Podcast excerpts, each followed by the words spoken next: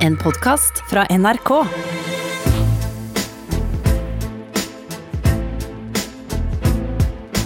Trump mot verden med Gjermund Eriksen og Sean Henrik Matheson. Gjermund, eh, du har eh, bedt om å starte med en vits i dag. Ja, det er litt meta for å varme opp uh, stemninga. Det skal handle litt om komikere og komedie. Jeg har utrolig lave forventninger. Ok, her kommer den. Okay. ok. Eh, det er to basstrommer og en symbal som falt utfor et stup.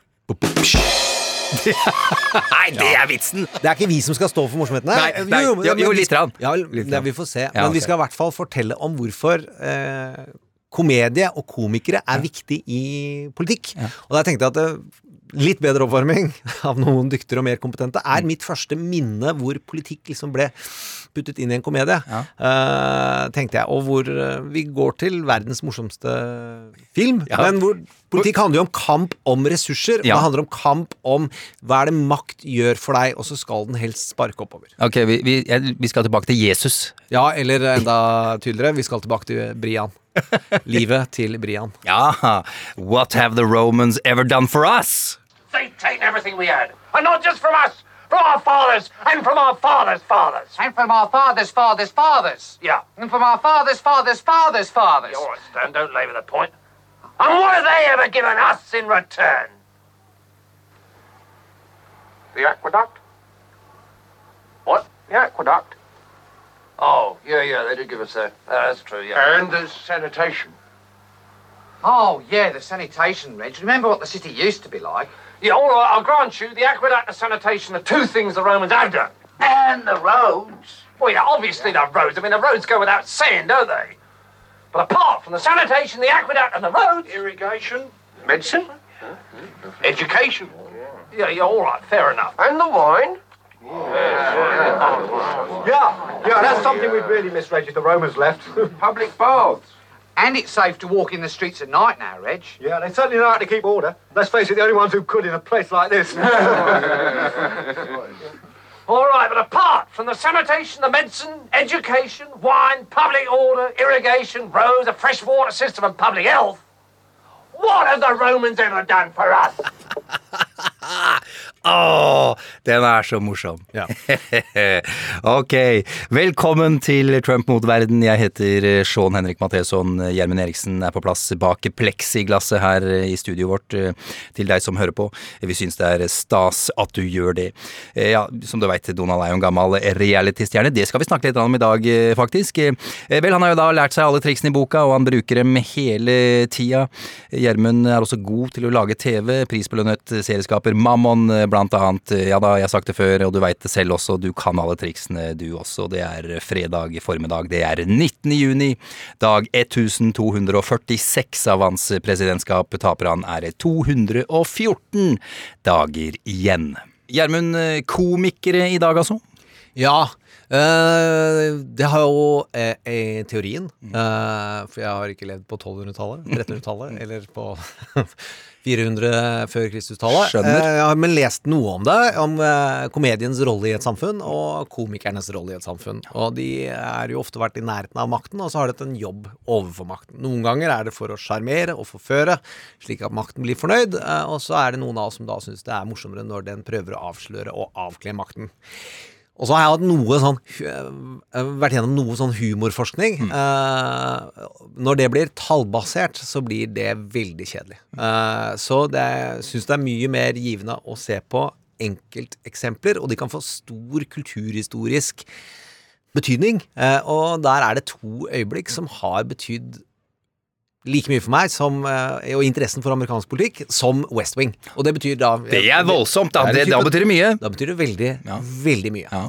Uh, og som er, sier noe om komikeres betydning når de får det til. Og den første er egentlig uh, den jeg syns kanskje er en av de største komikerne gjennom tidene. Kanskje den største. Uh, og det er John Stewart. Og han lagde Nei, jeg tenker komikere innenfor det satireuniverset, kanskje? da? Eller sånn, nei, nei, det- morsomste, Ja, du mener i det hele tatt! og ja, det smarteste som jeg vet om. altså. Ja, okay. uh, må huske på at John Stewart starta egentlig på 90-tallet og hadde ulike TV-programmer og prøvde seg som standuper. Uh, og dere som ikke vet hvem han er, her, så starta han noe som het Daily Show, som startet ganske rolig på Comedy Central. Og så ble det et stort globalt haraball av et fenomen. Comedy Central, en egen kanal for eh, komedie. Ja. Eh, han fikk sparken av MTV på et tidspunkt. Han ble lagt ned, og så kommer han tilbake, og så begynner han med det som er da uh, moderne TV-satirehumor. Uh, og hvor du tar nyhetsbildet, og så forlegger du dine meninger på toppen, og analyser, og med gode punchlines. Og så er det sånn som når man starter komedie, nei, komiske programmer, så er det ofte at de virkelig drar når man begynner.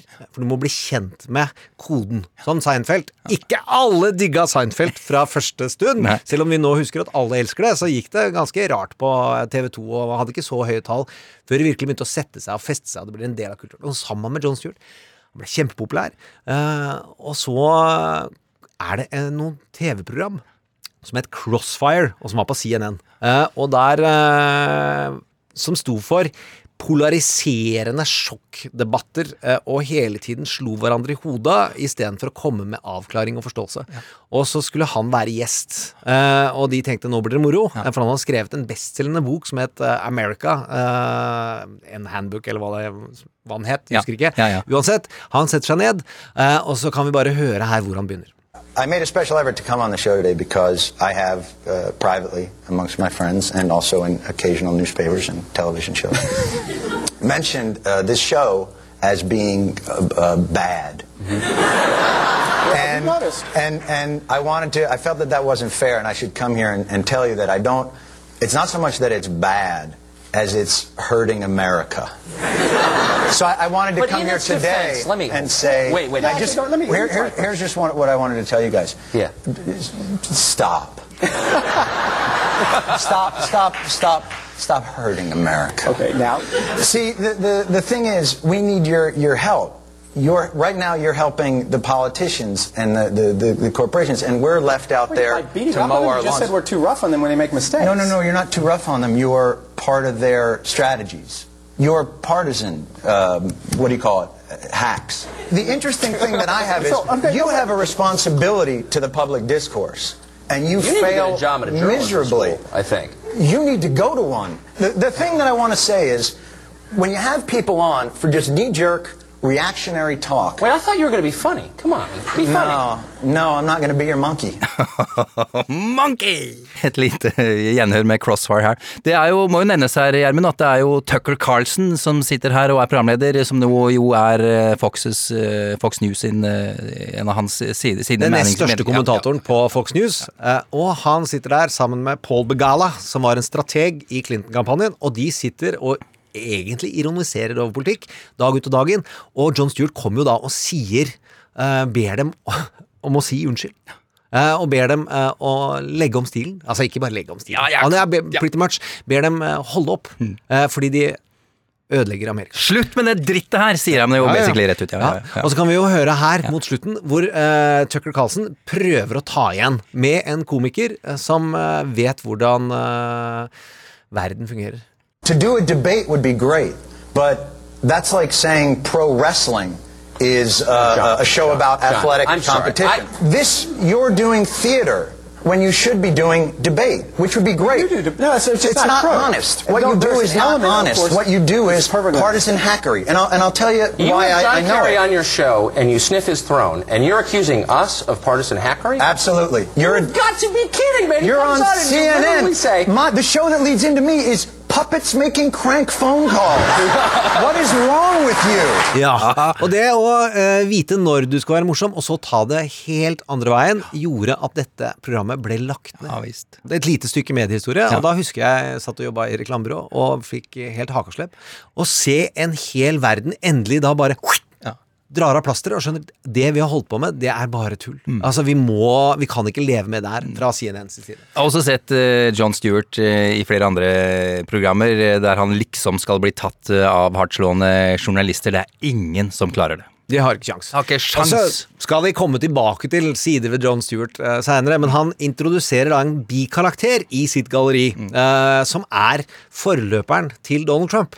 Altså en, en fyr som nå heter Stephen Colbert, egentlig, men han lagde showet Stephen Colbert.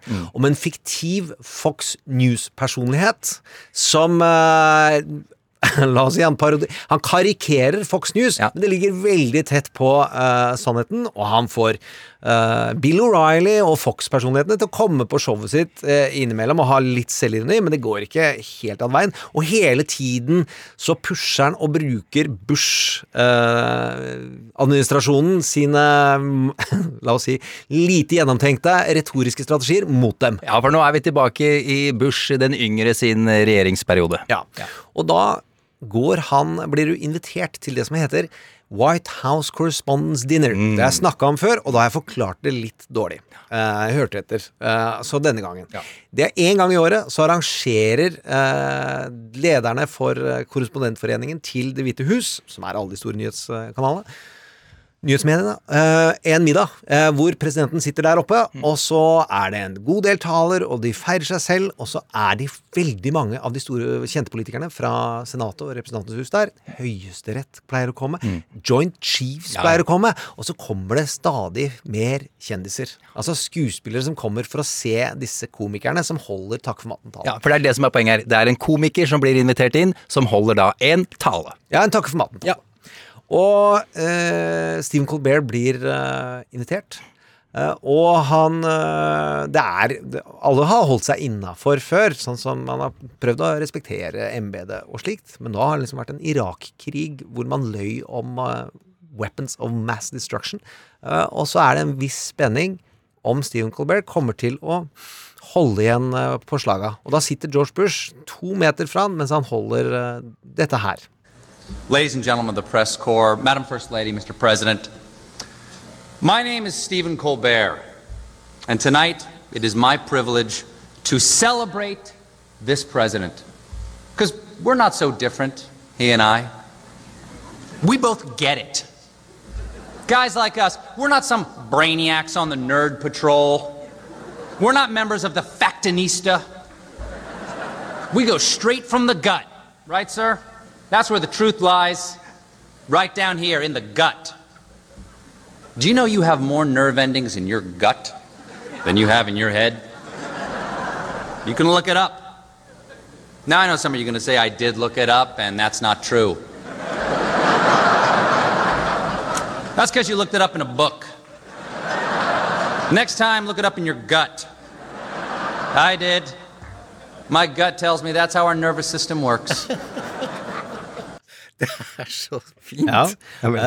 Og vi kan jo ikke spille hele, for det er 30 minutter Ja. hvor han sakte, men sikkert hiver på det ene spadelasset med sand over George Bush og kona hans mens han ligger der, og salen blir stivere og stivere i maska. Men vi kan nyte én runde til hvor han snakker om hva han tror på.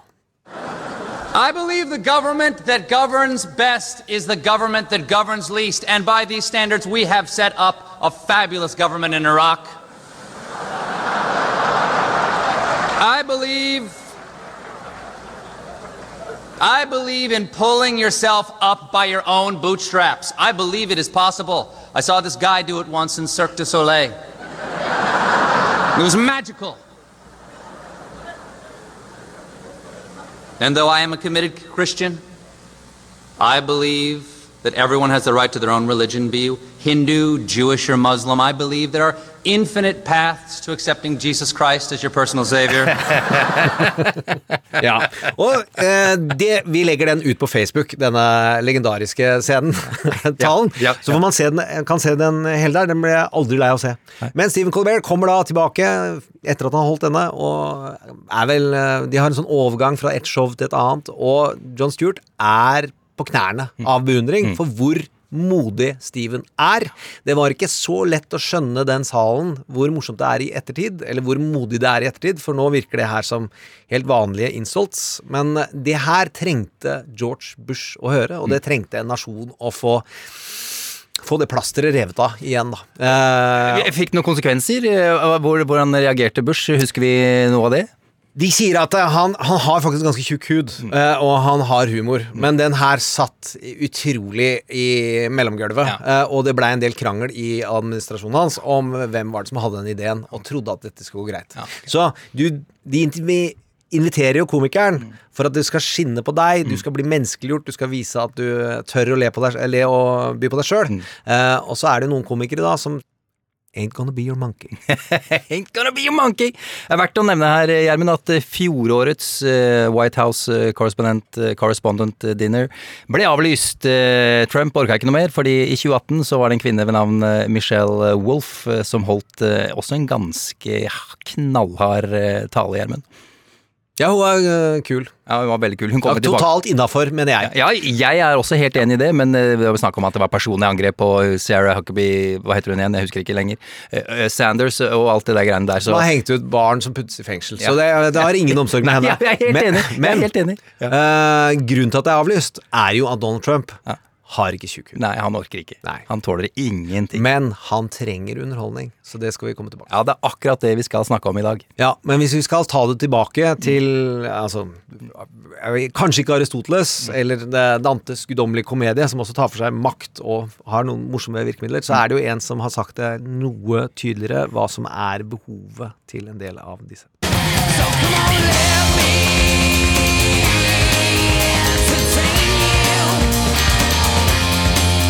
Oh, Robbie Williams, let Ja, me er entertain you. Ba, Er ikke det han skuespilleren i Dead Poets Society? Nei. Nei, nettopp. Nå prøver vi med humor. Vi får se om dette funker. vi går videre. Voff, rett over huet mitt. Ok. Ja, men, altså, det skal handle om eh, underholdning eh, og hva komikere betyr for eh, Trump og for amerikansk politikk, og da er det jo også naturlig å snakke om de store talkshow-krigene i USA. De er jo en del av, og de er eh, morsomme. Og har inni seg politiske nøkler til hvordan samfunnet utviklet seg. Nettopp! Og så sa vi jo at eh, det tredje stikket var jo ting vi ikke skulle snakke så veldig mye om, og det er en favorittkarakter som eh, noen eh, vet vi er veldig glad i, og som noen er litt lei av. Shit! Det kan bare bety Er redaksjonsmedlem som mente at nå har vi spilt låta for mange ganger. Det er noen som har sagt det til oss. Bolten, Bolton, mannen som kommer med det som skal være en meget eh, avslørende bok. Vi har jo hørt noen utdrag eh, gjennom den siste uka. Eh, vi har jo hørt litt fra den, eh, og det er jo, han er jo ikke den første som kommer med det, for all del, eh, men Bolten er jo ikke hvem som helst. eh, En av grunnpilarene i det republikanske partiet. Eh, nevner også at eh, ukas karakter er Black Lives Matter. Eh, vi har som vanlig et par-tre godteribiter vi skal eh, kose oss med. Og den første smaker veldig godt, eh, det må jeg si. LHBT-samfunnet i USA har gjennom en høyesterettsdom fått bekreftet at diskriminering i arbeidslivet på bakgrunn av seksuell orientering eller kjønnsidentitet er forbudt. En stor og viktig seier der, som jo på veldig mange måter det er helt vilt at vi i det hele tatt eh, må snakke om i, i 2020. Vi skal for så vidt være forsiktig med å si at det var en overraskelse, men vi må ikke glemme at Høyesterett i USA har eh, tatt en konservativ vending etter at eh, Trump ble president. Seks mot tre stemmer.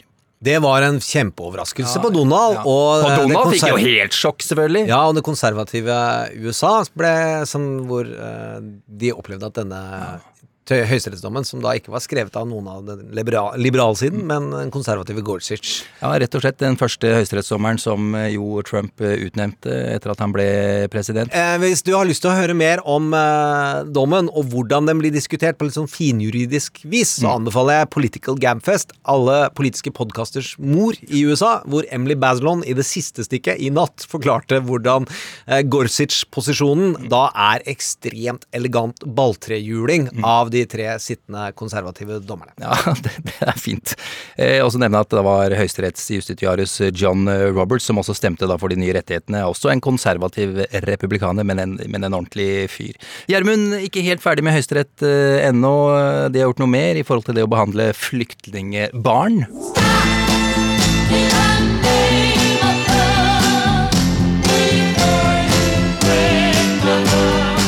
Det er feel good, da. Mm, det er jo En nydelig. feel en feel good-dom. Ja, eh, de har eh, I går var det vel så stoppa de Trump fra å kaste ut eh, omtrent 800 000 unge flyktninger, barn, som lever i USA uten papirer. DACA, Deferred Action for Childhood Arrivals Program, de stoppa altså planene, eller det Trump ville, og hiver dem ut. Og det er gode nyheter! Det er veldig bra. Da skal vi få noen ord fra Donalds justisminister, der han leser opp sitt siste tiltak om omrokeringer eh, i Justisdepartementet.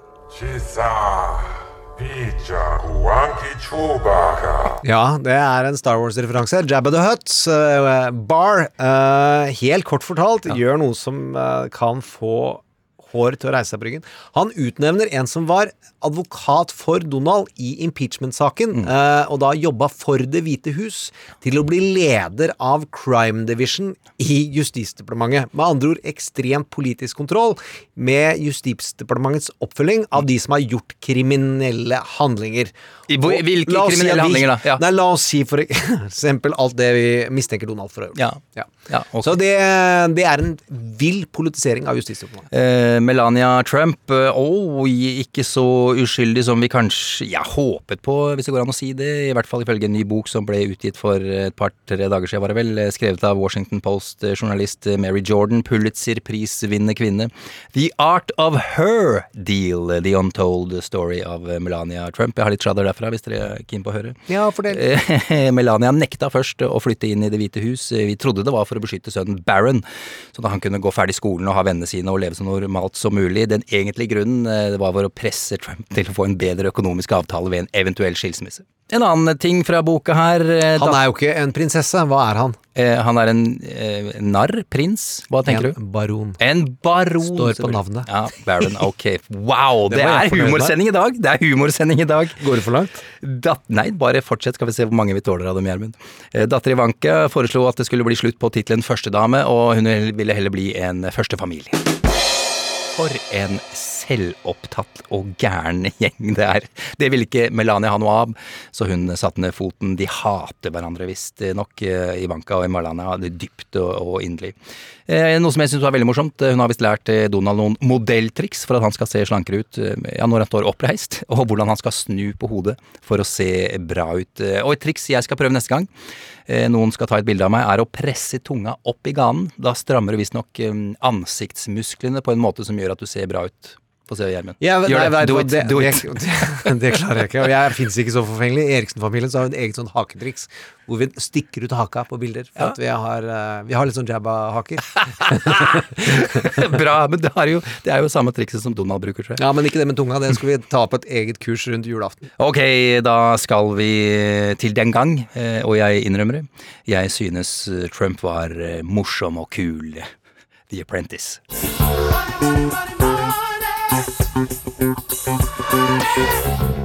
Mhm, Ja, du kjenner vel kanskje igjen denne musikken, The OJs eh, med For the Love of Money fra 1973, men også tittelmusikk fra Donalds reality-TV-serie The Apprentice. Jeg så et par sesonger, jeg digga det. Wow, for en flink fyr Donald er! Ja da, for andre gang innrømmer jeg det. The Apprentice, et reality-program der en haug av deltakere eh, skal kjempe om å få jobb i et av selskapene til Donald Trump. Deltakerne blir delt inn i to lag. De får oppgaver som går ut på å tjene penger på en eller annen businessaktig måte. Det, på det tapende laget må en av da- deltakerne få sparken. You're fired. Get out of here. Nettopp. En av Donalds catchphrases eh, der. Til slutt så står én igjen vinneren eh, som får jobben hos Donald, eh, som for øvrig viser seg ikke være en ordentlig jobb, eh, som å lede en av Trumps selskaper, men å være en slags levende reklameplakat for et eller annet greier i, i Donalds imperium. Klippe snorer eh, og slike ting.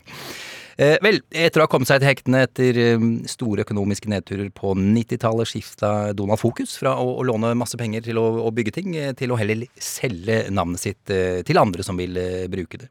Det fikk en TV-produsent til å ta kontakt med ham, der han foreslo konseptet The Apprentice. Nei, sa Trump, er du gæren? Reality-TV er den laveste form for underholdning. Bottom feeders. Jo, jo, men du kan jo være med selv og bli stor stjerne. Ja, dette høres ut som en glimrende idé! Og i januar 2004 gikk første episode på lufta på NBC. Serien gikk så det suste til å begynne med.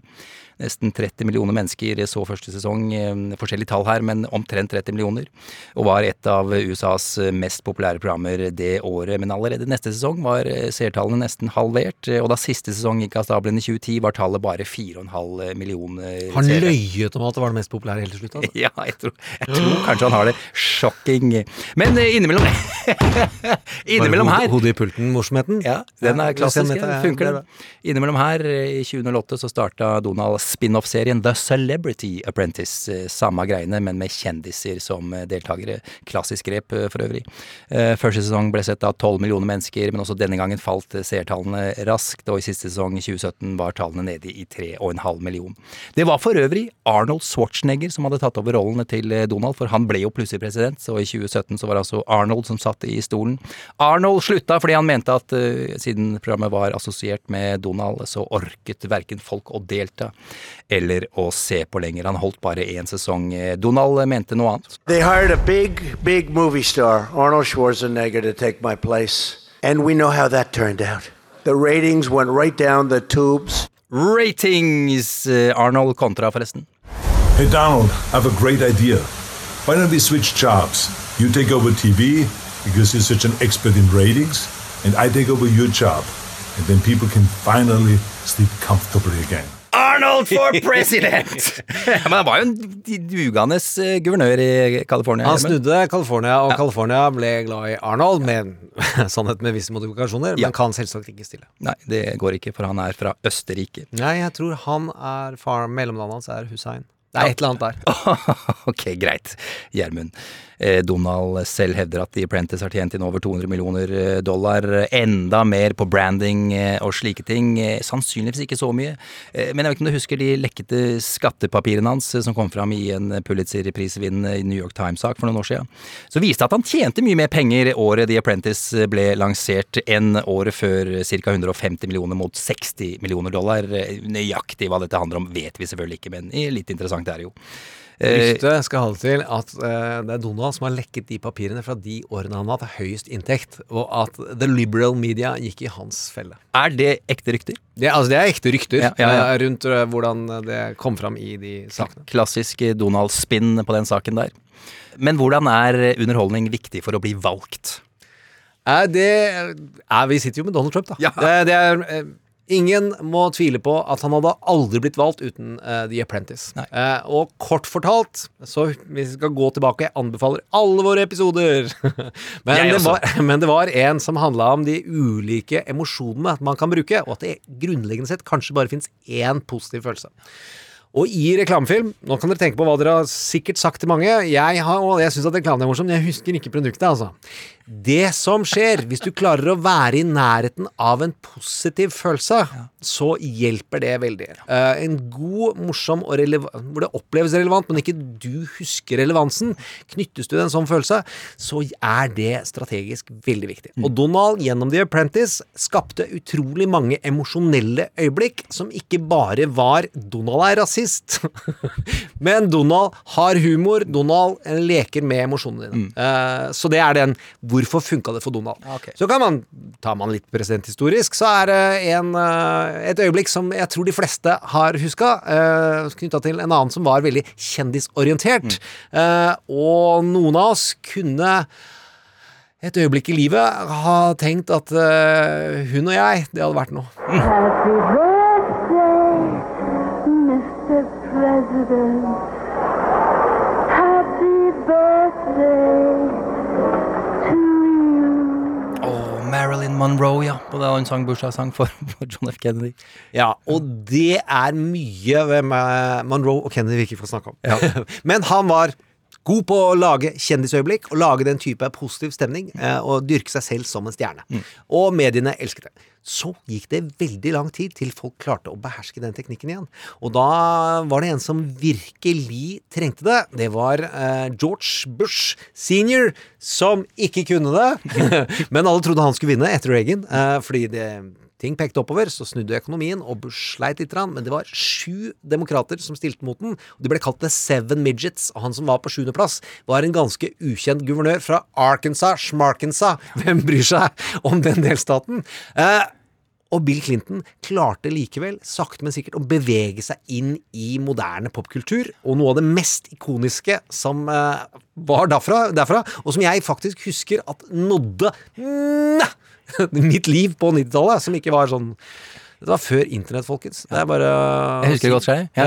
ja. At han gikk på et svart talkshow. Uh, Arsenio Hall. Yes. Uh, og eh, hvor åpningene alltid var av sånn wii, wii, wii. Altså, de jubler, og de er utrolig fornøyd. Uh, og det talkshowet var kjempeopplært, og da var han Arsenio veldig morsom. Han har blitt borte, forresten. Ja, det er synd, det. Jeg likte han veldig godt, jeg. Ja, men han har kanskje ikke holdt. Muligens ikke. Uansett, plutselig så står Bill Clinton der og spiller saksofon med solbriller, og han spiller eh, bra.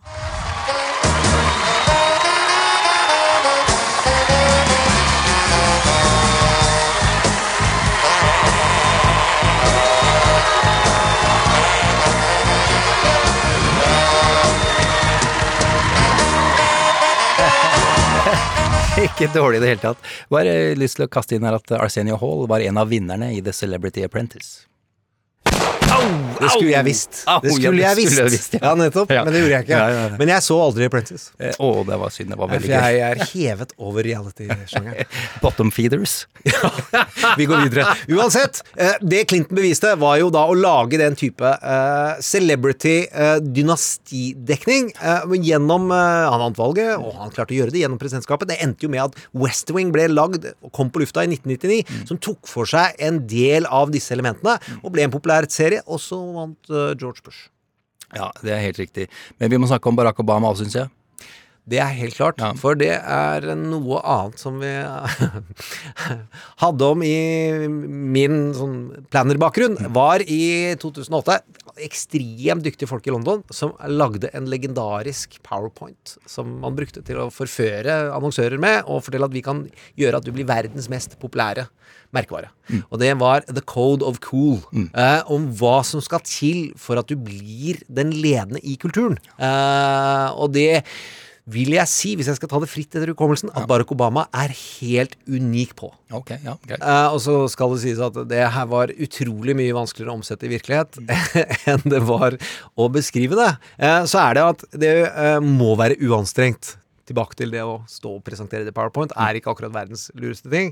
Eh, og så får du det eh, en merkevare eller et produkt eller en person til å være uavhengig, upåvirkelig av makt. Og det gir makt. Og så får du jo skapt hengivende mennesker. Altså Du blir det senteret i skolegården som alle har lyst til å henge med.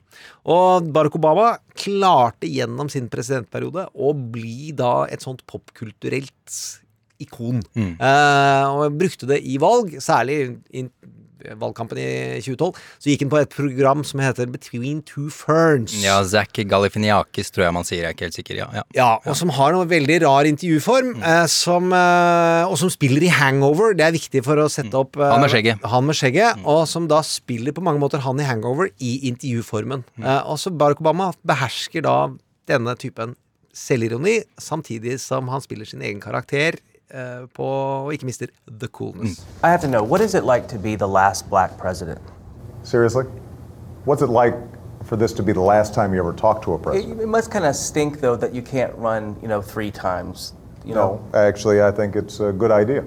Uh, you know, if I ran a third time, it'd be sort of like doing a third Hangover movie. Didn't really work out very well, did it? Now, I have to say that I've seen this show before, and uh, some of the episodes have probably been a little bit better than this. You know, for example, the one with Bradley Cooper, that was a great Bradley show. Cooper, yeah, everybody loves He kind of carried that movie, didn't he? Which which film are you speaking of? Uh, the, the, those uh, Hangover movies, uh, he, he, basically he carried them. Yeah, everybody loves Bradley. Good for him. Good looking guy. Ja, og for å gjøre dette utrolig raskt, neste uke så skal vi snakke litt mer med en som er, eh, kommer, har komikerbakgrunn eh, om det. Men eh, det man ikke skal gjøre, er jo eh, Og Valgjerd Svarstad Egeland, jeg håper du hører på, for jeg satte ordentlig pris på deg i, som politiker. Eh, men du vet like godt som oss at du skulle aldri ha vært med på Er det Bare drømmer fra, fra fantasien.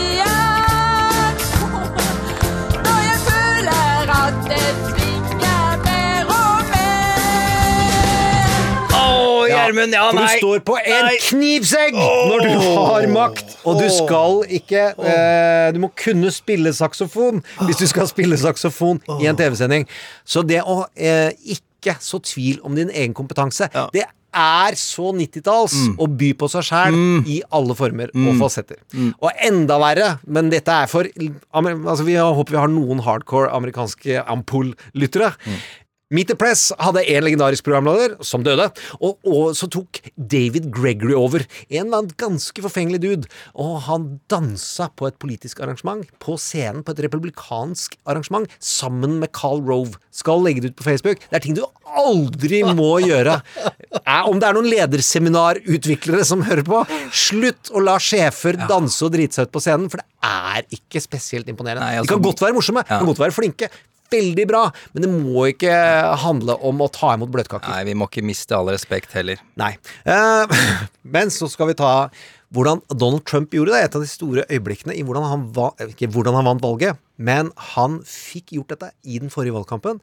Han gikk på Jimmy Fallon, og Jimmy Fallon som komiker gjorde ingen Stephen Colbert. Nei, han eh, satt og rufsa eh, Trump i hår i stedet. Ja, han. cutified den. Og Jimmy Fallon fikk fillehjuling av sine medkomikere, og ikke minst the liberal media, uh, som vi alle er en del av. Det der etter hva han har sagt om muslimer, etter hva han har sagt om eh, homofile, og etter at han har sagt A, B, C, D og E, eh, så var ikke det en humanizer man trengte. Nei, nei, nei. Han fikk eh, veldig mye kritikk, som du sier, eh, og vi skal jo snakke om talkshows eh, etterpå. Jimmy Fallon er jo en av de store, da, likevel, eh, av talkshow-verter i USA. Ville vært større i en annen tid, vil vi si. Men det skal vi komme tilbake til. Det skal vi komme tilbake til. Og, og Donald har jo ikke vært på noe særlig på disse talkshowene siden. Hva gjør Donald da?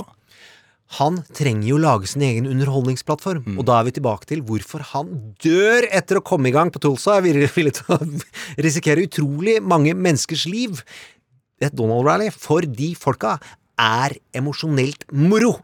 Det er å knytte positive assosiasjoner til Donald. Derfor trenger han å komme i gang med det. Han er kasta ut persona non grata av disse talkshowene. Og hvis han kommer på, så veit han at han kommer til å få satt en Stephen Colbert-knyttneve eh, av den komikeren. Eh, for det kreves og forventes etter at eh, Colbert satt standard. Gjermund, dette Tulsa-arrangementet ble jo utsatt én dag. Ja, fordi det var eh, selv for Donald too racist til å fornedre eh, minnedagen over opphøringen av slaveriet, hvis jeg husker riktig. Eh, men han skal ha det, for han eh, skal jo underholde. Ja, vi har nevnt allerede, men nå skal vi snakke litt grann mer om eh, talkshows. Talkshow om talkshow. Talkshow om talkshow.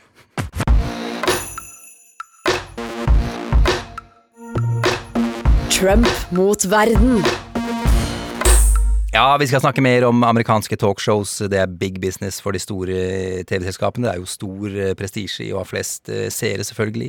Det finnes eh, talkshows i alle sjangre. Vi skal snakke om noen av de som har en politisk brodd, de som bruker satire. Ja, ikke alle, forresten. NBC har jo The Tonight Show med Jimmy Fallon, som vi akkurat har snakka om. Han har valgt å ikke være politisk, og det har han fått mye pepper for, f.eks. da han rufsa Donald Trump i håret. Men ok, um, ABC de har sitt Jimmy Kimmel Show. CBS har sitt eh, Late Show med Stephen Colbert. De har også Late Night med Seth Myers. Comedy Central har The Daily Show med Trevor Noah. HBO har Real Time med Bill Marr. Maher. Og ikke minst eh, Last Week Tonight med John eh, Oliver. Eh, Programmet vi stadig name-dropper her i, Trump mot eh, verden. Det fins mange flere, selvfølgelig, men men disse er nok mest eh, kjent eh, for oss her hjemme på, på berget. Eh, På pallen når det gjelder antall seere har vi Jimmy Kimmel på tredjeplass. Han har ca. to millioner i gjennomsnitt i løpet av uka. Jimmy Fallon på andreplass.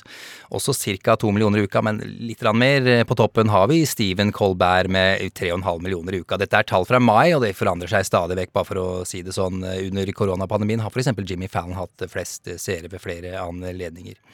Ok, Gjermund. eh, Alle disse programmene kan jo ses i Norge også, på forskjellige kanaler. Der har jeg ikke oversikten, så vi ber alle bare følge med på NRK1 hele døgnet. Så, så, vi, så vi ikke har noe rot at vi sender folk vekk fra moderskipet. Ja, fader, det stemmer det. Ja, Men nei, de har jo fått mye flere plattformer og når jo mye lengre enn disse 1-2-3 millioner-tallene vi hører, fordi de spres i sosiale medier. Og ligger for evig på YouTube. Og jeg gleder meg til å bli pensjonist, for da tror jeg man kan egentlig bare sitte der og se på helt vanvittig vanvittig høyt nivå amerikansk komedievirksomhet resten av sitt liv. Gjermund, alle disse programmene de er, jo, de er jo ikke helt like, de er jo forskjellige fra hverandre. Ja, og der er det en stor hovedforskjell som jeg mener at vi får bare gå litt historisk til verks. Det er helt sikkert noen lyttere som kjenner til historien, men som er et godt poeng for hvordan er det de moderne komikerne setter opp, og hvilken er det som har utvikla seg best. Og så kan vi heller snakke om forskjellene neste uke, når Thomas Giertsen kommer, som tross alt uh, starta med i standup, uh, gikk og starta Mandagsklubben, som jeg syns uh, opplevdes som et uh, ganske politisk uh, talkshow. Veldig med Otto Jespersen, sluttsmonolog, alt det greiene der. Ja, og da skal vi sette opp de ulike komikerne, se på noe eh, forskjell av dem, og så tar vi det den veien. Så heller,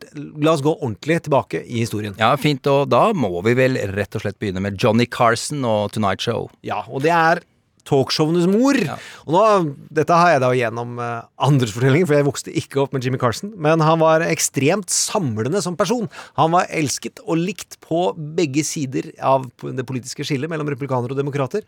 Uh, og en arena for lansering av popfenomener. Han var ganske ufarlig. Hadde gjester. 'Å, du har en ny bok, og du har en ny film'.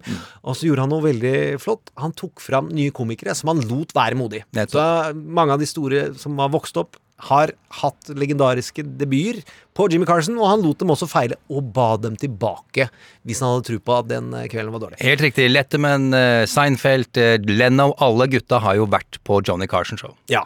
Men han var ikke så politisk, sier historien. Han var balansert, og han uh, passa på at showet ikke vippa noe valg. Han valgte aldri side idet makt sto på spissen. Ah, og så var det noen som klagde over det, og han sa det er ikke det, er ikke det vi bruker kvelden til. Nei, det er helt riktig, det var det han sa, egentlig. Og, men etter Carlsen på, Carlsen på kveldene, da, så var det jo, og etter Tonight Show, så var det jo Late Show med David Letterman, og da eh, Det var noe annet. Ja, der var det modigere ting. Eh, og han gjorde legendariske ting og var en tøff komiker. eh, var veldig absurd. Han var ikke alltid snill og god mot gjestene sine. Eh, han turte å stille dem til veggs for eh, at de bare kom og prøvde å pushe et eller annet. Så avkledde dem.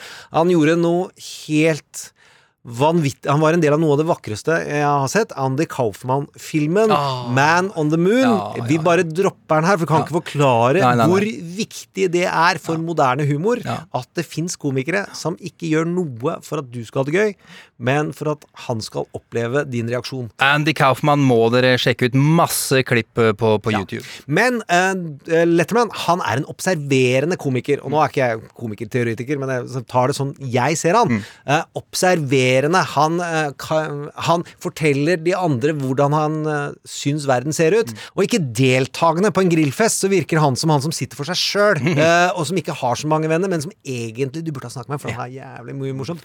Og egentlig forstår den festen mye bedre enn alle oss andre der, som har sånne mid hvit middelaldrende problemer. Ja, ja. Og den boka om den grillfesten eh, det dramaet og den komedien, det var ikke det som skjedde. Det kom egentlig et gresk drama. Oh, et ja. tragedie. Ja, Shakespeareansk nesten også, kanskje, kan man si Ja, det? det er vel kanskje nesten der vi må gå. Okay. Fordi han ble lovet at han skulle ta over etter Jimmy Carson. Bare, Eh, Bare Johnny Carson. Ja. Ja, den, den var til deg for en gangs skyld, Gjermund. Ja, ja, men det må være lov. ja, ja. ja, men han ble lovet, uh, og så var det ikke det som skjedde. For NBC, og hvis noen fra NBC hører på, så lukk ørene, feige jævlene, de velger heller Jay Leno, som ikke er som Letterman, som ikke er observerende, men som er grillfestens midtpunkt. For de tror the code of cool er å ta han som serverer burgere, og sørge for at alle har det koselig. Ja, ja, ja. Han er kjent for å ikke ta noe risiko, eh, og det han driver med, er egentlig ikke å gjøre at folk eh, ler eh, veldig mye. Han gir trygghet. Mm. Han, han er ikke politisk, kan vi vel si. Det er en politisk måte å fortelle om hva som er jobben din når du er kjedelig. Nei da, han står seg ikke mot Jay Leno. Ja, du mener David Letman, Gjermund. Ja, det er det jeg mente. Unnskyld. Og det, når Jay Leno får jobben av NBC, så blir uh, Letterman utrolig sinna og skuffa. Og i motsetning til i Shakespeare og i virkeligheten, så finner han ikke ti senatorer og stikker kniv i ryggen på han som tar over uh, jobben, eh, men går over gata til et annen, en annen kanal og starter Late Show for seg sjæl. Helt riktig. CBS var ikke det der han havna til slutt. Jo. Og han fikk det han trengte for å gi Jay Leno juling. Han gjorde det, eh, men må må sies her at eh, Jay Leno hadde stort sett flere seere enn Letman gjennom eh, Ja, men hva er viktigst? Nei, jeg bare sier det. Det er viktigst å være morsom. Ja, ja, ja, for helt enig Og da fikk han det han ønsket seg, nemlig George Bush. Og han fikk muligheten til å være eh, bruke politikk Ja, Letman fikk Bush som president, og dermed kunne bruke politikken aktivt. Ja. Eh, og Jay Leno fortsatte å være vassen og i midten, mens Letterman var modigere og var morsom for morsommere mennesker. Mm. Eh, og så hadde Jay Leno eh, flere seere, Mm. men han eh, har ikke god standing i historiebøkene. Nei, han har ikke det, dessverre. Men Gjermund, hva syns eh, talkshow, eh, talkshowenes far Hva syns han om dette her? Altså Johnny Carson? Han ga den største opptreden en kjendis kan gi en annen kjendis. Og derigjennom viste tydelig hvor hans hjerte lå. Ja, hva, ga, hva gjorde han? Han ga han hans siste opptreden. Oh. Ettermæle, altså. Ja, det er det. Det alle komikere trenger. The final punchline. Da skal vi til eh, mannen med barten.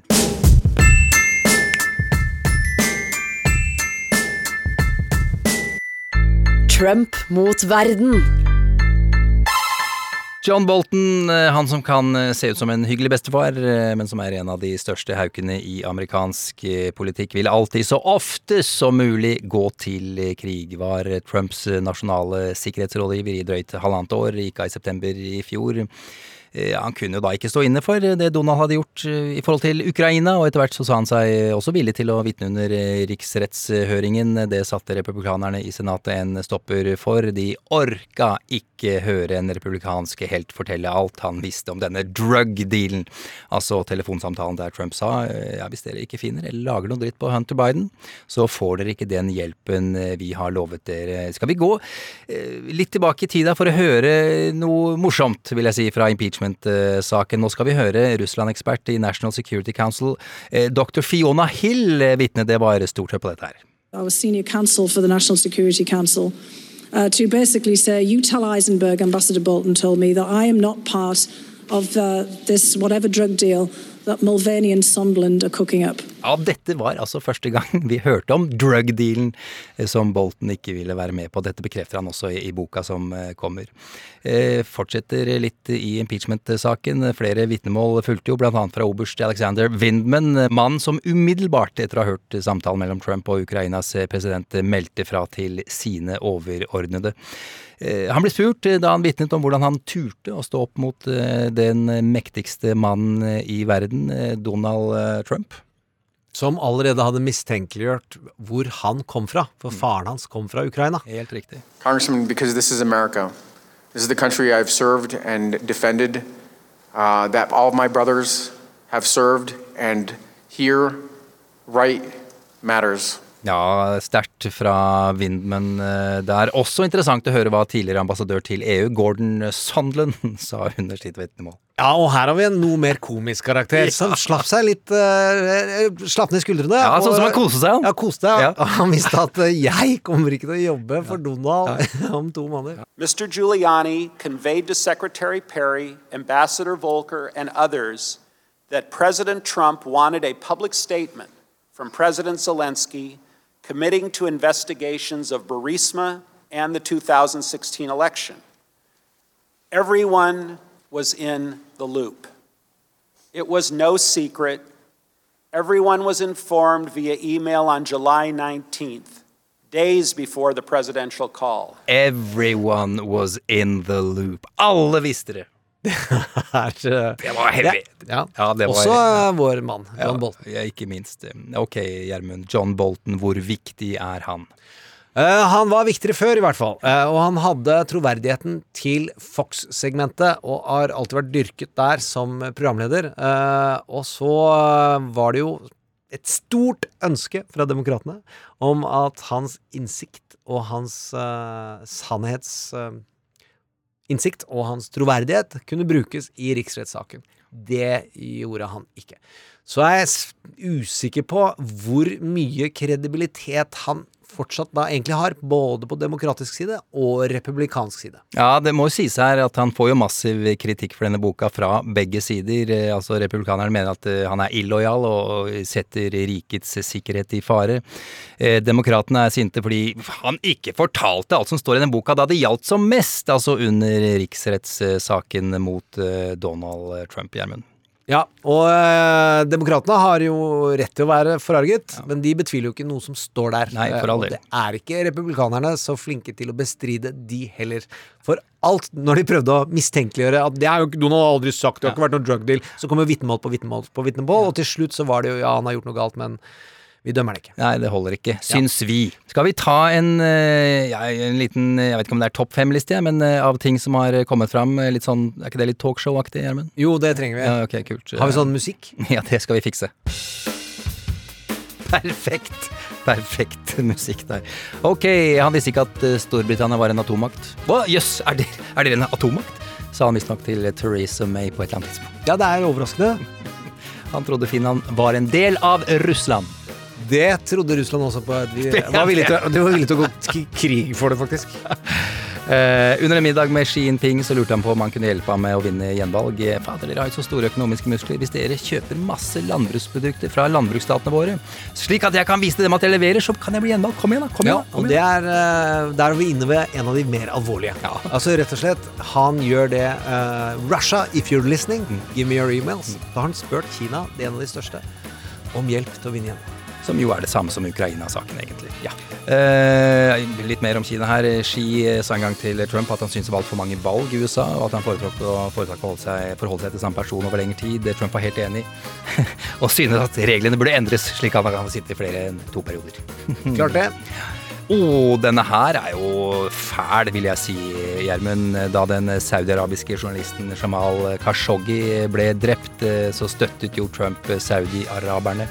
En kalkulert uttalelse, ifølge Bolton, for å ta fokuset bort fra datter Ivanka, som fikk juling i media på samme tid fordi hun hadde, som Hillary Clinton, eh, brukt en personlig eh, e-postkonto til jobb, jobbting. Ja, og da, bruker, da beskriver Bolton den scenen akkurat slik vi hele tiden omtaler at Donald leser mediebildet hver dag og prøver å forme det til sin fordel. Eh, så han sa I need to divert ja, the attention of my daughter. For han vil beskytte dattera, for før eller siden så skal jo hun ikke bli baron. Hør på denne her, Gjermund. Den tyrkiske presidenten Erdogan ga Trump en lapp der det sto at hei, denne tyrkiske banken som blir etterforsket for å komme seg unna Iran-sanksjoner, som advokaten i The Southern District of New York driver etterforsker. Ja, de er uskyldige, bare så du veit det. Eh, Ok, null stress, sa Donald. Jeg skal fikse for deg. Jeg skal bare gi alle sparken først, og sette inn mine folk i stedet. Ja. Det er, eh, det er mange ting, og dette er bare første fire dagene av hva som er blitt sluppet. Ja. Så får vi se om det kommer enda mer. Eh, Jeg syns jo også man må tenke på at det kan virke som at hele dette Kina-kjøret er det noen som kjente til samtidig som boka skulle slippes. Eh, Og Bolton kan ha fått med seg at Lincoln Project har et ønske om å hele tiden irritere Donald. Dette er spekulasjon så det griner etter fra meg, på oppfordring fra en lytter som sendte oss denne videoen. Så kan vi høre hva Lincoln Project kom med. Eh, Og eh, filmen heter China.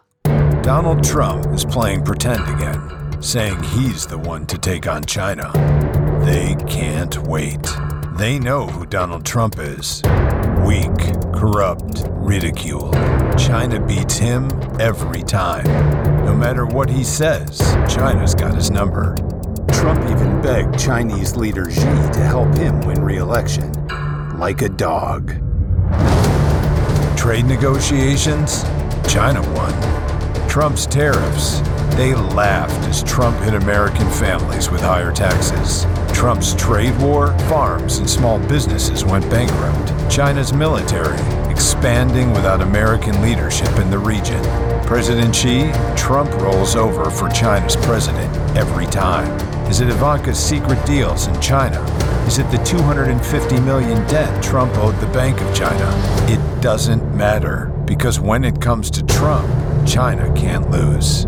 The Lincoln Project is responsible for the content of this advertising. En eh, siste liten ting om eh, Trumps forhold til eh, Kina. Eh, Han syns jo at det er helt flott at, at eh, Kina bygger digre interneringsleirer for millioner av muslimer i landet, uigurer. Ja, konsentrasjonsleirer Ja, ja. gir et tydeligere bilde av hva det er, og det er en av de mørkere detaljene. Hva han er villig til å si mens diktatorer er til stede, er det ingen grense for. Og er jo den skuffelsen John Bolton løfter fram mest. Han er villig til å gjøre hva som helst for å vinne gjenvalg. Ja, det, og det er jo det Bolton på et vis oppsummerer denne boka ved, har jeg skjønt. At uh, alt Trump gjør handler om kun én ting, å vinne gjenvalg. Om det går utover nasjonen, eh, folk og fe, det har ingenting å si.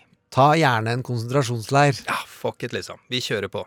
Moro. Men nå skal vi over til noe vi setter veldig pris på. Trump mot verden med Gjermund Eriksen og Sean Henrik Matheson. Ok, vi, vi skal over til en, eh, litt alvor igjen. Eh, Ukas karakter er en eh, stiftelse, en vi har hørt mye om i det siste, heldigvis. eh, Black Lives Matter. Eh, Ble starta av tre kvinner i 2013 etter at den svarte 17-åringen Traven Martin eh, ble drept i, nabolaget sitt i Florida. Han ble drept av en eh, selvutnevnt eh, nabolagsvakt, eh, George Zimmerman, som jo senere ble frikjent i retten. Dette her snakka vi om for et par uker siden. En global stiftelse, en menneskerettighetsbevegelse, og deres misjon er å utradere white supremacy. eh, Og få slutt på maktovergrep mot svarte, både fra staten og, og folk som eh, Zimmerman. Ja, og eh, som av- avslutter sendingen litt mot et håp. De starta som veldig få folk som begynte å rope Black Lives Matter bak som gode gamle eh, protestanter på arrangementer, eh, og ble beskrevet som bare et irritasjonsmoment. Og at de på så kort tid da klarer å få Det er ikke mange år altså før man klarer å samle en hel verden til å samle seg rundt tre ord. Black Lives Matter er imponerende. Og at Donald Trump i forrige uke, det vi ikke brukte tida på å snakke om i denne sendinga, eh, står og later som han kommer til å foreslå eh, begrensninger i hvordan politiet skal håndtere svarte. Så får vi se hva som kommer ut av det. Og så må vi se hvordan Senatets forslag og Representantenes for, eh, husets forslag, hvor demokratene bestemmer hva forslagene skal være, om de kommer til enigheten om, om noe. For det er vanlig, hvis vi husker på disse våpenmassakrene, så pleier det å si at ja, vi skal komme videre og vi skal komme opp med forslag, og så lar senatsleder Mitch McConnell det koker bort i den berømmelige Kålen Ja, nettopp. Ja, og det er uh, Dad Joke eh, får jo, har jo ingen egen podkast. Burde ha det. Vi kan lage det, vi. vi kan lage det, vi. Ja, det er spørsmål vi har, eh, om vi får lyttere. Det var vel eh, rett og slett kvelertaket Trump har sagt at han vil ha slutt på. Ja, men han må jo implementere det. Eh, og det er eh, i en ordlyd som sier at det er forbudt, bortsett fra hvis du virkelig trenger det. Ja, ikke sant. Da er det meningsløst. Eh, Det var vel i grunn det vi hadde for eh, i dag, eh, Gjermund. Du som hører på, anbefal oss til venner og kjente og folk du ikke aner hvem er. Ta det på alvor! Ja, ta det på Ja, stopp folk på gaten! Reis til en annen by! Hvis du er for kjent i din egen by, reis til en annen by. Opplett en liten stand. Sett på noe musikk, del ut boller, kaffe. Overhold alle smitteverntiltak, det er viktig å si. Jeg ikke minst. ok, konkurranse. Vi har jo, hatt, vi har jo det stadig vekk gående på Facebook-gruppa Fe- Trump mot verden. Ja, og da skal vi ta ukens vinnere. Og det som var utfordringen, var kort fortalt hva folk sier feil på engelsk Ja! av faste uttrykk. Det var så morsomt! Jeg Ja. sa det. Og vi får da bare lest opp to. Ja. Ok, og Silje, det, vi velger jo ikke ut vinnere, Nei. fordi det ville være å velge blant eh, så mye, uh, har tatt fram Vivi Stenberg, eh, som uh, da oppdaget forskjellen på, hvis du skal ut og handle BH-er, forskjellen på strapless og strap-on. Forskjellen på strapless og strap-on. Klassiker. Ja, og det neste, Berit Vatne, eh, som eh, Det er fra en eh, billettluke i Bergen på et teater, hvor noen kommer og spør om the restroom, og da sier 'you can rest here', for der var det sofaer. og så tar vi en ny konkurranse, som også er sendt nærmest inn av en lytter. Eh, og det er at jeg fikk et bilde av en hårsveis som var veldig morsom uh, rundt Donald. Og da tenkte jeg at vi kan ha en egen konkurranse om assosiasjoner til Donald Trumps hårsveis. Altså, da kan man gå figurativt til verks og se på andres hår, eh, men også andre fenomener. La det være litt åpent, men det kan være en visuell eh, dans eh, å være vitne til. Finne noe som ligner på håret til Donald Trump? As, hva som helst. Hvilke Ja, okay. assosiasjoner får du av Donalds hårsveis? Det er greit.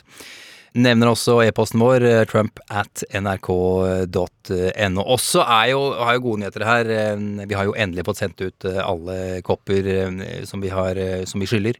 Det vil si Silje har gjort det. Superprodusent Silje Martinsen Vettere. Hva skulle vi ha gjort uten Gjermund? Jeg orker ikke tenke på det engang. Ja, Vi har jo sendinger fire ganger i uka, men de kommer jo aldri ut, for da er jo ikke Silje der. Nei, det er riktig. Ok, vi avslutter. Eh, som vanlig eh, hvordan vi ser for oss den første scenen i første episode av dramaserien Trump mot verden. Eh, altså serien om Donald Trump. Vi har et budsjett på én milliard per episode. Det er rimelig, jeg er rimelig fornøyd med det. Forresten, du posta jo en post her på, på Facebook-sida vår nylig. Det er jo, kommer jo nå en, en ekte Trump-serie. Ja, den første fiksjonaliseringen der et menneske skal spille Donald Trump i drama, og han skal møte Comey, og vi får se hvilke, hvilken deler av virkeligheten de drar ut. Ja, det er basert på boka til eh, James eh, Comey, tidligere FBI-sjef. eh, Mannen som jo fikk Trump valgt egentlig ved å ikke slutte å mase om de forbanna e-postene til Hillary Clinton. Ja, vi, er, vi tenker ikke på det lenger. Vi har glemt Jeg orker ikke. Ok. Vår serie, dvs. Si åpningsscenen, er jo basert på en Spotify-liste av låter vi har fått eh, fra ja, kanskje deg og de som hører på. Eh, takk for det. Eh, ja, det er eh, faktisk jeg som står for eh, episodeåpningen i dag. Kjør på. Ok, greit. Vi er på et eh, stort kontor. Mørkt panel på veggene, mørke møbler i mahogni, hvit himling i taket med intrikate gipsfigurmønstre. Tunge gardiner i store vinduer, gråmønstrete tepper ligger på dyre tregulv, og midt på gulvet står en TV. Vi ser den eh, bakfra, vi ser ikke hva som skjer på TV-en, men vi hører jubel fra store folkemengder, vi hører oppstemt musikk. Vi skjønner ikke hva som blir sagt, eh, programlederne snakker russisk. Så stiger kameraet opp over TV-en, og da ser vi at på den store pulten i enden av rommet, der sitter Vladimir Putin. Han ser bister og sur ut, sinna. Så reiser han seg plutselig opp og slår i bordet så hardt han kan med knyttet neve. Så skriker han Donald! Din jævla tilbakestående gjøk! Vi hadde jo en idiotsikker plan! Donald! Så hører vi fra TV-en Biden, Biden, Biden, Biden. Putin begynner nesten å gråte, men så Utenfor vinduet åpner himmelen seg, en stråle av briljant lys treffer Putin. Men så, utenfor vinduet, åpner himmelen seg, en stråle av briljant lys treffer plutselig Putin. Og så ser han denne mannen komme for å synge. Tell Du har hørt en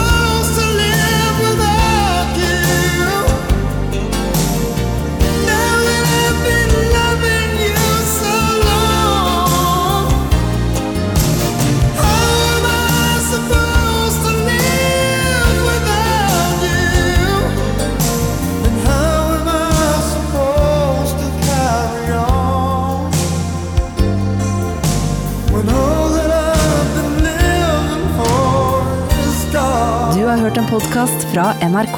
Hør flere podkaster og din NRK-kanal i appen NRK Radio. En podkast fra NRK. Hva med en podkast som plukker ut de viktigste nyhetene for deg? Både fra Norge og verden. Og som snakker om dem på en sånn måte at du ikke klarer å la være å høre på. En snarvei til skikkelig peiling. Hør nyhetspodkasten Oppdatert Med meg, Ragna Nordenborg. i appen NRK Radio.